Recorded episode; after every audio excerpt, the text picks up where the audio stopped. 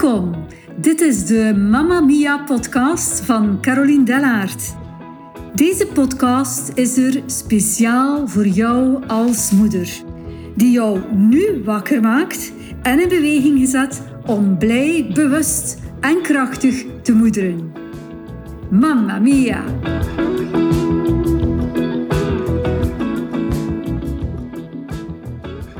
Het denkbeeld dat ik in deze podcastaflevering met jullie wil bespreken is wel dit van tekort. En deze aflevering wil ik ook beginnen met een voorval van gisteren. Een ervaring die ik deed toen ik op bezoek ging bij de, in de brillenwinkel bij de opticien. Nu, na vier jaar voelde ik dat het nodig was om mijn glazen eens bij te stellen. Ik zie daar ook altijd wel een andere symboliek in. Zo een beetje van, het is weer tijd om mijn visie eens bij te stellen. Ik heb een andere bril nodig, waardoor ik op een andere manier in de wereld sta en naar de wereld om me heen kan kijken. Nu, ik onderging verschillende tests voor mijn ogen. En in een van die tests werd mij gevraagd van, zie je nu beter de letters in de groene kant of zie je ze nu beter in de rode kant? En ik dacht zo al bij mezelf van, het zal zeker niet goed zijn als ik zeg dat het rood is. Maar een paar keer zei ik van, nee, rood is beter, groen is minder. En toen werd ik plots ergens van wakker, ergens bewust van. Wat is rood? Wat betekent rood voor mij? En rood staat eigenlijk meestal in het dagelijks leven voor gevaar. Dat is het rode stopteken, een bankrekening die niet op rood mag staan, uh, de negatieve bloedresultaten bij een bloedonderzoek die in rood gedrukt zijn als het niet goed is, dat rode lampje op je dashboard dat brandt. rood wijst altijd op tekort. En het vraagt echt om een bijzondere aandacht, want anders kan er wel iets heel ergs gebeuren. Dus dat vraagt altijd prioriteit. En ik denk dat dit verhaal ook eigenlijk al begint en gewoon in de kleuterklas. Je krijgt al een groen bolletje of een rood bolletje. Groen voor goed, rood voor minder goed. En zo worden we al van kleins af aan geprogrammeerd om vooral op het rode, te, het rode op te merken. Dus langzamerhand sluipt er ook ergens een houding in onszelf om ons eigenlijk te focussen op het rode op het tekort. En je gaat je als kind ook zelfs beginnen conformeren of aanpassen naar je ouders of je omgeving. Want je wil vooral dat ze rondom jou zien zoveel mogelijk plusjes en die minnetjes stop je maar beter weg. Dus die vraag van de opticien maakte mij echt wel wakker. Van zie je nu meer groen of zie je nu meer rood? En dan merk ik echt wel bij, mezelf op dat ik me kan richten op wat dat er niet is. En dat zijn hele kleine voorbeelden. Nee. Zo van, er is geen boter meer. Of ik mis een stukje chocola na mijn eten. Of mijn kleinkind kan nu dat nog niet. Of ik kan niet zwemmen. Of ik kan niet meer in mijn rood kleedje. En er zijn gewoon heel eerlijk een aantal tekorten die ik zelf opmerk. Ook bij de anderen kan ik tekorten opmerken. Ik wou misschien dat mijn moeder zo zou reageren. Of dat mijn man dat meer zou opmerken. Of... Het zijn allemaal verwachtingen die we hebben vanuit, gezien vanuit die bril van tekort. We zijn zo gevoelig voor die tekorten van alle slag. En dan denk ik mezelf soms de vraag, maar waarom ben ik als mens geneigd om die bril die vooral tekorten zit, te blijven opzetten. En waarom zien misschien wel 60, 70 procent van de mensen bij een glas dat half gevuld is, eerder dat het half leeg is dan dat het half vol is? En is dit tekort dan ook geen illusie of een denkbeeld dat we eigenlijk dringend moeten bijstellen?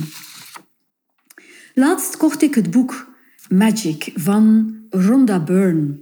Ik had het boek gekocht zonder dat, en zonder dat ik het wist, was het een Engels boek. En ik dacht ook op het eerste moment hier al vanuit mijn eigen tekort van schiet mijn Engels niet tekort om dit boek te lezen. Maar gelukkig, het was een nieuwe ervaring en het boek las eigenlijk heel gemakkelijk. En het hele boek gaat eigenlijk over dankbaarheid. Ja, 200 pagina's volledig over dankbaarheid en de magie van dankbaarheid. En in het boek werd heel duidelijk dat als je je focust op het tekort, dat er gewoon nog veel meer tekort op je weg komt. Het richten van je gedachten op tekort, dat brengt je gewoon in een iets lagere trilling. En die lagere trilling, volgens de wet van natuurwet, de wet van de trilling, trekt opnieuw weer andere lagere trillingen aan. Dus ja, onze gedachten van tekort zijn ook echt wel krachten. Dus nu ik dit weet, word ik hier aangesproken op mijn eigen verantwoordelijkheid. En nu jij dit weet, als luisteraar, word jij ook aangesproken op jouw mogelijkheden om die gedachten van tekort te herkennen, te erkennen, te leren hanteren en om te polen. En je zal misschien vragen, maar ja Caroline, hoe doe ik dat nu? En het is zeker een uitnodiging voor elk van ons, ook voor mij. Maar we kunnen onze gedachten ook richten op wat er wel is, waar er veel van is. Je mag de schoonheid opmerken van wat er is. Je mag dankbaar zijn voor wat je wel kan, voor wat, wie of wat er wel is voor jou. Dus dankbaarheid en schoonheid, dat zijn echt hoge waarden die echt iets volledig kunnen transformeren. Dus dat wil zeggen naar een hogere energie brengen. Er is soms wel een beetje tijd voor nodig. Maar heb je al eens opgemerkt wat er gebeurt wanneer dat bijvoorbeeld een klein kindje bij iemand oud komt? Die verandering van energie. Wat gebeurt er van binnen in jou als jij plotseling een oprechte dankjewel krijgt of een heel mooi compliment? En het gaat hier gewoon over die, het upliften van energie. Echt een energieshift van een lagere trilling naar een hogere frequentie. En voor mij is die bewuste ouder echt wel energiewijs. Een bewuste ouder die beseft heel goed wat de energie van een gebaar kan doen. Wat de energie van zijn of haar gedachten kunnen doen. dus andere gedachten leiden sowieso tot een ander gevoel. En dat gevoel leidt naar een andere actie. En die andere actie leidt naar een ander resultaat. Dus op het moment dat jij als bewuste ouder uh, je ergens voelt dat je gericht bent op tekort en die momenten komen, dan kan je bijvoorbeeld al een drietal dingen doen die ik nu wil opsommen, die jou echt wel uit dat tekort kunnen halen. Het zijn oefeningen die je kan doen. Je kan hier jezelf in trainen als echt een spier uh, die je ontwikkelt, waardoor dat je veel sneller de overgang maakt van tekort naar genoeg en naar te veel. Ten eerste kan je kijken om je heen waar er heel veel van is. Er is gras om je heen en veel groen. Je hoort veel vogelgeluiden. Er liggen misschien wel dertig sneetjes brood in je brooddoos klaar om gesmeerd te worden. Er staat een droogboeket op je vensterbank waardoor dat je elke dag heel veel bloemen ziet. Er staan misschien ook veel bloemen in je tuin. Je hebt veel familieleden. Je hebt veel vrienden. Een tweede is, je kan ook je aandacht richten op gewoon wat er allemaal in het nu is, op dit moment. En er is zo ontzettend veel in dit ene moment vervat. Gewoon één moment in de dag mindful zijn gewoon zien wat er allemaal in dit moment is, kan je ook doen genieten en doen beseffen de volheid van een moment. Mindful zijn kan je echt wel brengen van die wereld van beperking naar die wereld van potentieel en van mogelijkheden. Een derde oefening die ik graag doe, en dat is een oefening vanuit het oplossingsgerichte, je kan jezelf ook elke dag de drie vragen van dankbaarheid maken. Dat is eigenlijk in een moment van reflectie, ofwel in de ochtend, ofwel in de avond, dat je gewoon de volgende drie vragen stelt. Dus vandaag, waar ben ik iemand anders dankbaar voor geweest? De tweede vraag is, waar is iemand anders mij vandaag dankbaar voor geweest? En een derde vraag is van, en is er nog iets anders gewoon geweest vandaag waar ik gewoon dankbaar voor ben. En dat kan zijn het mooie weer, dat kan zijn een liedje dat je gehoord hebt op de radio. Maar die dankbaarheid zet zoveel in beweging. In het boek van Magic stond ook dat je ergens per dag een tiental dingen mag opschrijven waar je echt oprecht dankbaar voor bent. Van een persoon, van iets, van een ervaring. Dus dat is ook een hele mooie tip. Maar alleen is het wel gewoon jouw verantwoordelijkheid om dat hier te gaan toepassen.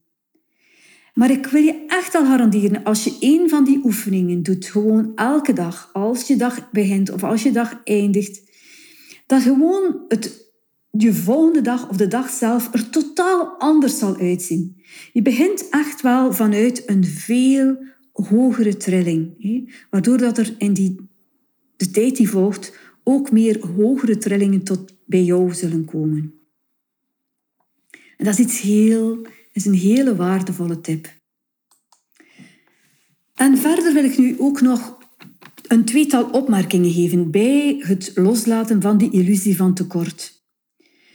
Ten eerste is het heel belangrijk dat je gewoon bewust bent van de manier waarop dat jij naar de wereld kijkt. Kijk je vanuit tekort of kijk je vanuit voldoende, vanuit te veel? Pas dan, als je het echt goed beseft, kan je ook stappen ondernemen om hier iets in beweging te zetten. En ik denk dat wij als mama soms echt wel getraind zijn, of ons ook heel gemakkelijk soms richten op die tekorten. Gewoon omdat je wil dat jouw kind vorderingen maakt. En dat je kind mee kan of mee ontwikkelt met de rest van zijn uh, leefgroep of klas. Dus, en pas op, deze bezorgdheid, deze betrokkenheid, dat behaan zijn, dat is heel waardevol. Maar tegelijkertijd wil ik ook meegeven dat er hier ook een, een zekere grens is op dat kijken naar tekort. Ten tweede wil ik jullie echt uitnodigen om niet alleen het rood te zien vanuit een tekort, iets dat prioriteit vraagt, maar van ook het licht te laten schijnen op het rood als kleur van passie. Daar waar je echt blij van wordt. Dat waar je echt vanzelf gaat. Dat van talenten. En door dat rood ook te integreren, dan zal er een totaal andere uitkomst zijn.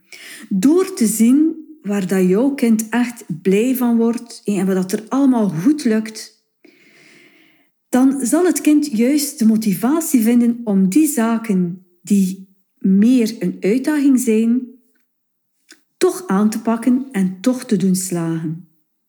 En die tekorten zullen vervagen. En ze kunnen misschien ook volledig uitgegomd worden.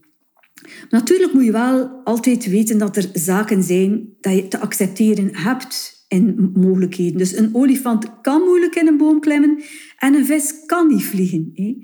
Maar toch, door dit rood in te voegen, komt er een beweging weg van het uiterste van dat tekort. Je mag dat zien als een, in een slingerbeweging. Dat je echt beweegt tussen twee uitersten van tekort en te veel. En dat rood, dat haalt je ergens terug naar dat midden. Die haalt je uit die ja, vastzittend denkbeeld van tekort. En zo stimuleer je zelfs ook als ouder dat zelfregulerend vermogen van je kind, waardoor het van, van zichzelf gemakkelijk naar dat midden kan komen. En door regelmatig ook dat rood in te schakelen, verander je ook iets aan de voedingsbodem, aan de leeromgeving. En dat is juist ook wat we nodig hebben in een transformatieproces.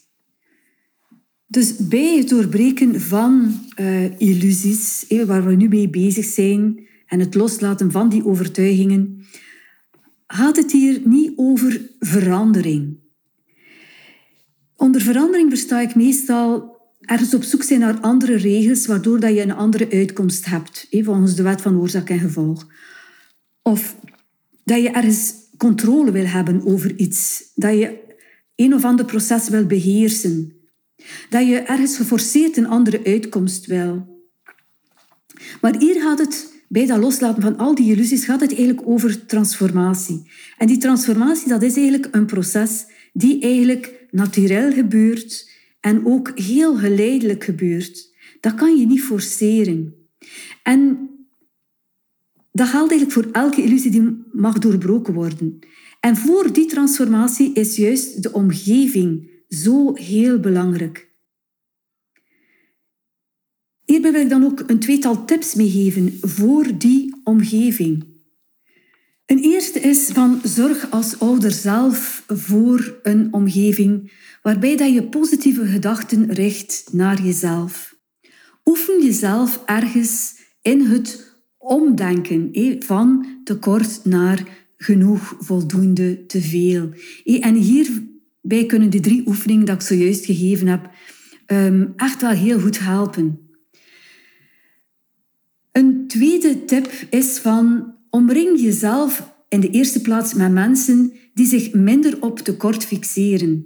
En laat je omringen door mensen die ook overvloed kennen, die ook um, ervaringen van, van potentieel leven en beleven. Als je je omgeeft door die mensen, dan zal juist jouw proces echt wel versneld worden. En dan volg ik dan ook vooral bij de mensen die bij mij komen voor een jaartraject. Dus in die groep is er een, eenzelfde ehm, ja, motivatie aanwezig, eenzelfde trilling aanwezig. Die mensen hebben eenzelfde doel en dan bereik je zoveel meer. En ik zou zeggen, omring ook jouw kind door de juiste ondersteuners en zorgverleners. Haal misschien ook zelf jezelf en je kind uit die omgevingen die niet opbouwend of die kunnen beschadigend zijn. En je hoeft zeker niet en je kan ook niet alle pijn voorkomen. En vanuit een pijn kan een kind ook iets, iets positiefs nieuws ontwikkelen. Maar toch voel ik het als juist dat je als ouder hier iets te bewaken hebt. Een kind kan, zoals ik al gezegd heb in deze aflevering, niet alles overzien. Het heeft dus de gepaste nabijheid nodig van een volwassene die voldoende kan onderscheiden wanneer dat, dat ene rode lichtje van tekort ergens meer te beperkend of vernietigend wordt en waar dus dat andere rode lichtje van passie maximaal kan ingezet worden in de ontplooiing van het kind. Ik wil in ieder geval zelf dit onderscheidingsvermogen verder ontwikkelen. Ik wil die ballon van tekort doorprikken, samen met jullie. Ik wil mijn eigen denkbeelden bijstellen. En ik hoop echt wel dat dus mijn nieuwe bril mij hierin zal ondersteunen. Ik ben benieuwd. Dus naar mijn drie vragen van dankbaarheid zou ik nog willen zeggen tot slot. Enerzijds ben ik heel dankbaar voor jou dat je naar deze podcast wou luisteren. Ik ben ook dankbaar dat ik deze doorleefde kennis of wijsheid aan jullie mag doorgeven. En waar ik ook nog heel dankbaar voor ben, is op dit moment het bezoek en mijn ervaring in die bijzondere brillenwinkel, die mij een illusie armer heeft gemaakt. Tot de volgende.